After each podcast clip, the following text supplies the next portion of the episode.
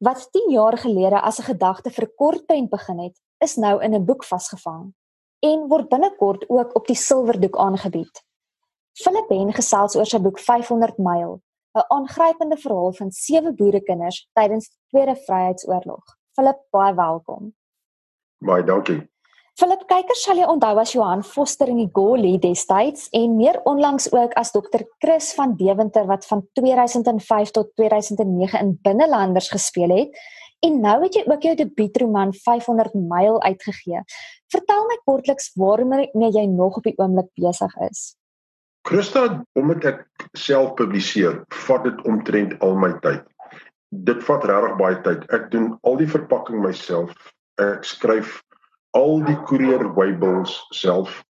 Elke boksie word in bubble wrap gesit en ek weet nie wat se Afrikaanse woord vir bubble wrap nie. Ek doen alles self en dit vat geweldig baie tyd want ek het amper 'n handelsmerk geskep van hoe die mannetjie die seentjie met die perd die 500 myl en ek wil die kwaliteit van die handelsmerk wil ek deurtrek dwars deur tot ons die movie begin skiet volgende jaar in Julie dit dan met 'n konstante vlak van vaardigheid van toewyding van liefde wat die projek mee aangepak is moet gehandhaaf word. Ek sal later begin goeters sekere aspekte soos hulle sê outsource maar op hierdie stadium doen ek alles self want ek wil. Die besigheidsmodel wil ek vasmaak en dat hy gegiet is in beton dat ek dan kan voortbou op dit want hierdie projek gaan nog 2, 3, 4 jaar nog 'n naderdraai hê en ek moet dit goed nou vas lê en dis wat my besig hou. En ook ek moet begin kyk na kinders. En die groot ding wat ons nou doen is ek is besig om te kyk ek wil sewe kinders vat in die Karoo in binnekort binne die volgende 6 weke. En ons wil gaan video materiaal skiet van die kinders in wardrobe op perde in die veld in die aand waar hulle praat waar hulle skiet waar hulle gesels en kort stukkies hulle noem dit in die Engels noem dit um, sound bites en um, visual bites waar ons 15 15 sekonde stukkies gaan sit op sosiale media want ons sukkel nog steeds om die jong mense te kry om hierdie boek te lees ons moet jong mense reageer tot ander stimuli. Hulle reageer tot visuele stimuli. Print media werk nie meer vir jong mense nie. So op hierdie stadium met ons konsentreer bemarking mense 45 en ouer tot 75 in die 6 tot 10 LSM, maar nou begin ek dinge in plek sit om by die jonger mark uit te kom. By die 14, 15 jariges om hulle geïnteresseerd te kry om die storie te lees want ek dink hulle behoort dit te lees. En dit gaan nie oor boekverkoop nie. Jong mense moet hierdie ding lees maak geen fout nie. Dis wat ek mee besig is. Philip, kom ons neem 'n tree terug en begin by die begin. Jy het omtrent 500 myl met hierdie verhaal gestap. Wat het jou 10 jaar gelede geïnspireer om hierdie storie te skryf? Jy het dit aanvanklik as 'n kortprent vervaardig en toe jy nou natuurlik 'n paar prosesse deurgemaak, maar wat het jou aanvanklik geïnspireer om hierdie storie te vertel? Vir jare lank al kyk ek na argieffoto's van die Anglo-Boereoorlog. En dan sien ek periodiek, nie baie nie, maar periodiek sien ek hierdie foto's van hierdie jong seentjies. 10 jaar oud, 11 jaar oud, 9 jaar oud. Dan staan hy met 'n mouse en as die wapen partymal langer is hy. En toe ek begin wonder, wie's hierdie kinders? Hulle moes eers moes hulle deel gewees het van hierdie oorlog. En wat my ook geplaag, ek het toe begin kyk na hoeveel stories, boeke, televisiereekse is gemaak oor die mans wat geveg het in die oorlog. Ek het dit nou die dag aan onderhoud gesien met radio, ek dink is Radio Pretoria. Het ek waar's die stories van die mans? Nou omdat ek 'n bekende is in aanhalingstekens, vra mense van ons het jou lanklaas op televisie gesien, wat is jy mee besig soos wat jy my nou gevra het? Dan sê ek ek is besig om 'n draaiboek te skryf oor die Anglo-Boereoorlog. 92% van mense het vir my dan gesê, "O, gaan dit oor die konsentrasiekampe in die vrouens en kinders?" En onmiddellik gaan daar 'n waarskuwingslig aan en sê dat hier bestaan 'n persepsie van die Anglo-Boereoorlog dat dit net gegaan het oor die konsentrasiekampe in die vrouens en kinders. Boeke wat uitgekom het oor die vrouens en kinders. Die meeste boeke wat jy kan gaan koop gaan oor die konsentrasiekampe en ek begin myself die vraag vra: Waar is die stories van die vegters? Waar is die stories van die mans en die seuns wat in die veld geveg het? Waar is hulle stories? Wat is gedokumenteer? Daar's nog geen televisiereekse gemaak nie. En toe begin ek super konsentreer en super navorsing doen oor die mans en met spesifieke bewysing die penkoppe. Waar het hulle ingepas? Hoekom het hulle oorlog toe gegaan? Wat was hulle motivering? En ek het baie gelees, tyd by die Vroue Museum spandeer met baie oumas en oupas en oupa grootjies gepraat wat nog baie goed kan onthou. So die storie is geïnspireer deur ware verhaal en ware kinders. En ek het soos ek al in vorige onderhoude gesê het, outeursvryheid gebruik om mense op 'n reis te vat. Weet een van die wêreld se nee, die wêreld se mees suksesvolste filmvervaardiger is 'n ou in Amerika genaamd Jerry Bruckheimer. En Jerry Bruckheimer, hy gee elke jaar by UCLA se filmskool gee hy 'n na 'n masterclass. En hy stel homself altyd voor aan die 2000 studente. Hy sê, "My name is Jerry Bruckheimer. I'm in the transportation business. People pay me money and I transport them to my world." So wat ek probeer doen met 500 mil. As iemand 300 rand vir 'n boek betaal online, dan gaan ek betaal hy my 300 rand. Hy gee vir my 5 na 6 ure van sy tyd om hom of haar 'n storie te vertel. Ek is 'n mandaat gegee om jou 'n storie te vertel, om jou op 'n reis te vat. 'n Reis te begin, 'n middel en 'n einde. Dit is die klassieke Shakespearean vorm van storie vertel.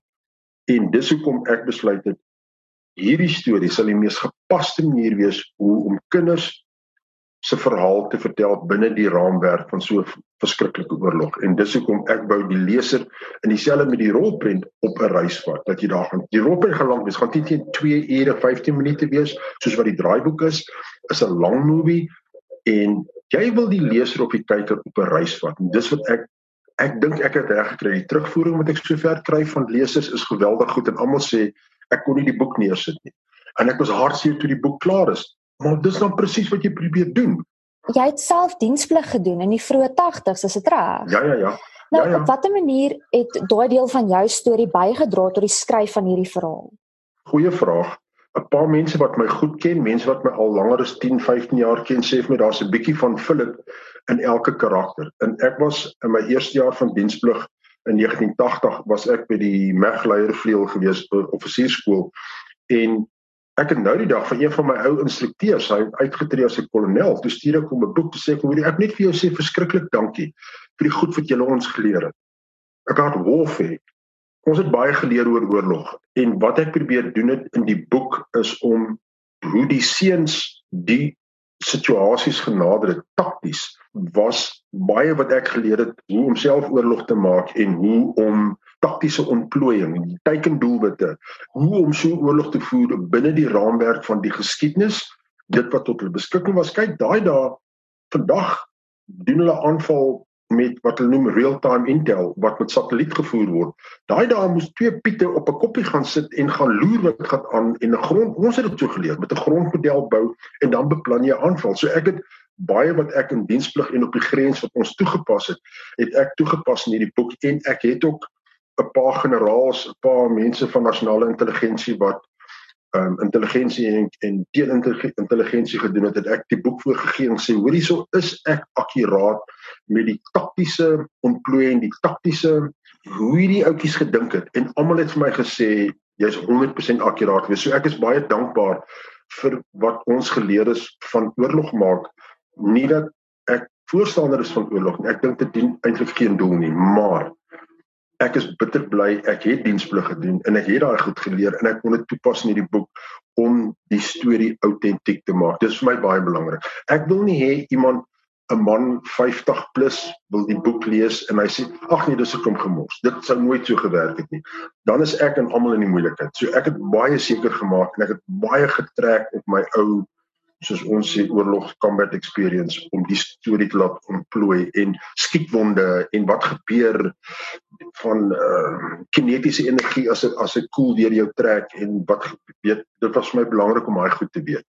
Hoe het jy dan die karakters gekies in die verhaal? Daar's nou een meisie en dan die ses boerseuns. Ses seuns. Ja, vertel my 'n bietjie meer oor daai karakterontwikkeling en hoe jy hulle gekies het. Ek, ek wou die karakters al hierdie seuns het bestaan ek het die oorspronklike verhaal was dit vier seuns en ses volwassenes wat die reis gemaak het. Ek het die volwassenes uit die storie gevat en dit net daai karakters gevul met seuns.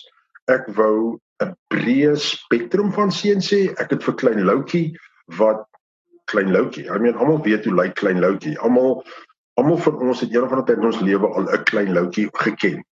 En ek het karakters ingeplaas wat almal mee kan identifiseer. Neef was die dominee in die groep.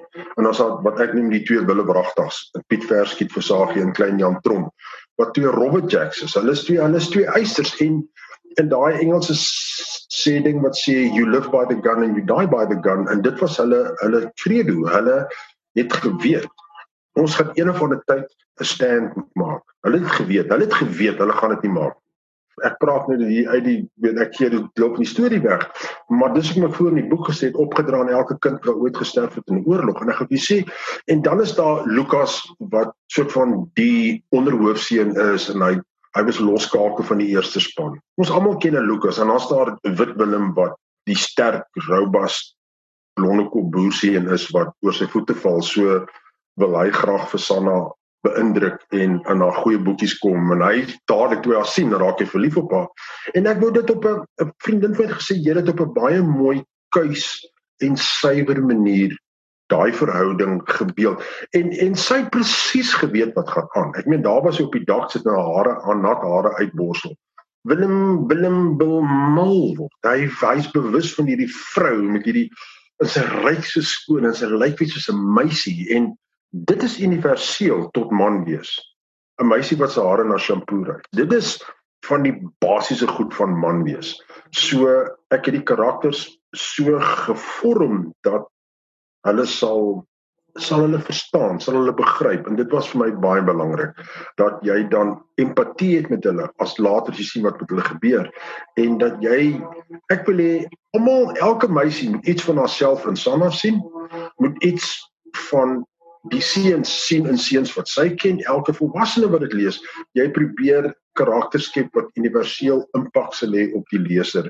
En is dis nie ek het nooit literatuur geswat nie. Ek het argitektuur geswat. Ek weet niks van skryf nie. Ek kom net 'n mooi storie vertel.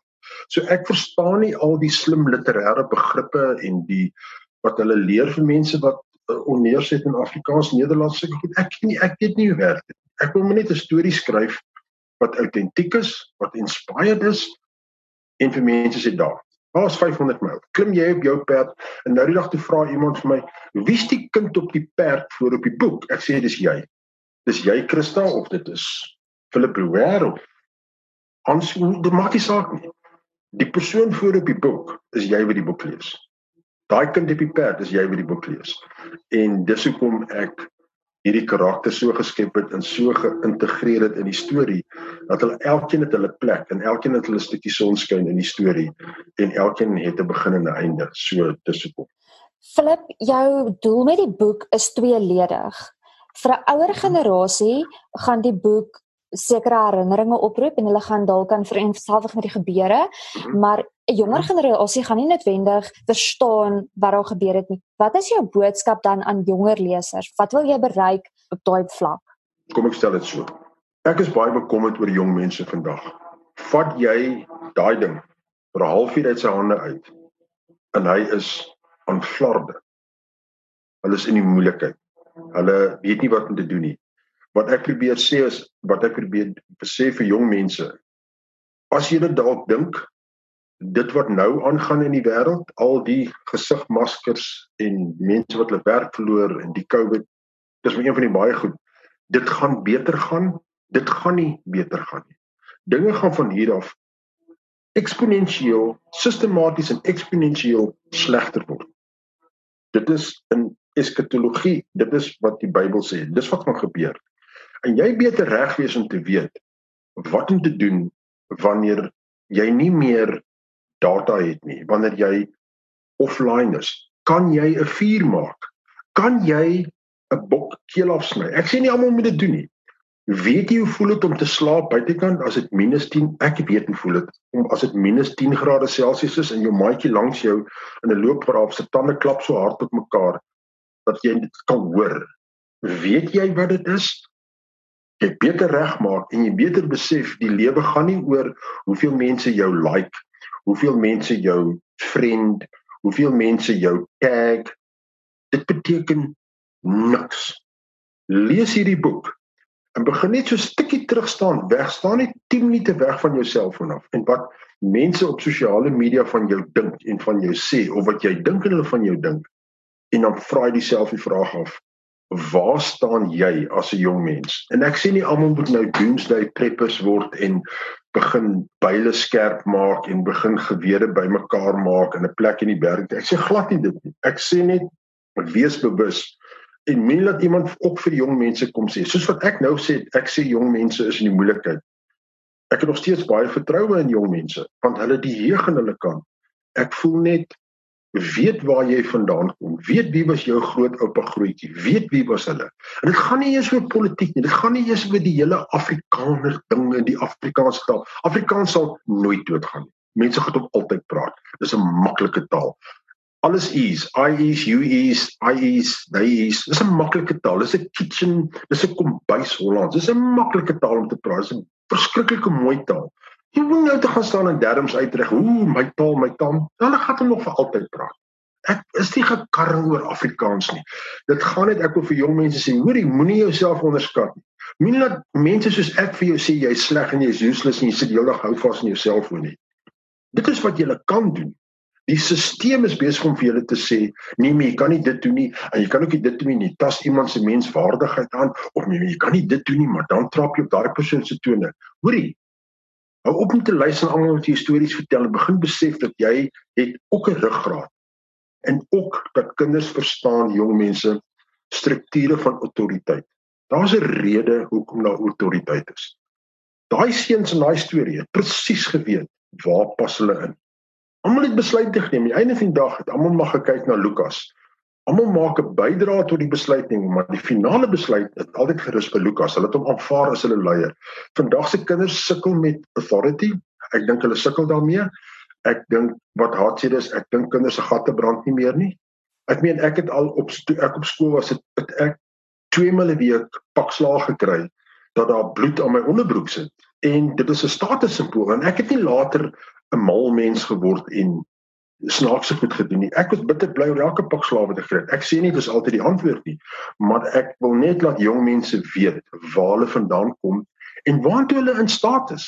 Nee, jong mense word so gepamper lank. Ek kyk seentjies wat fiets ry. Hulle het 'n helm aan en handskoentjies en knee pads en elbow pads. Ek het myself flenters geval op my fiets totdat ek 17 jaar oud was. So ek dink kinders word gepamper lank en net om vir kinders te wys, hoorie, jy's meer 'n eister as wat mense jou toelaat om te dink. En dis maar hoekom. Dis om jong mense te motiveer om te sê, hoorie so. En dit gaan nie jammer ek wil eers 'n senter speel en dan gaan ek 'n kontrak kry by die bulle of iets nie.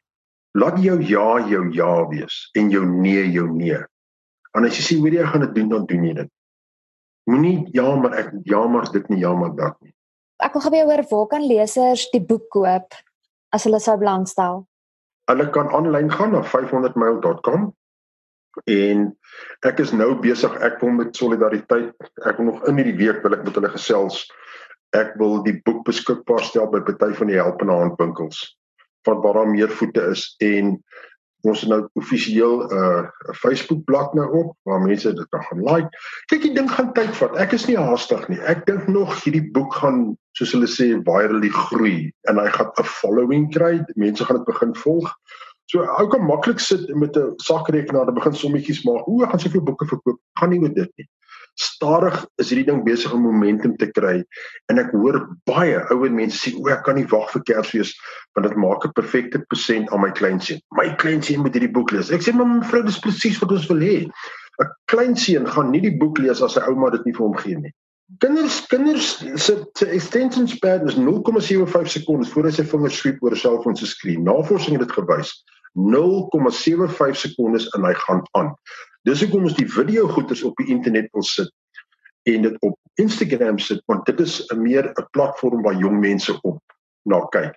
En hulle as jy 'n jong mens gaan kry langer as 2 sekondes na iets te kyk na YouTube.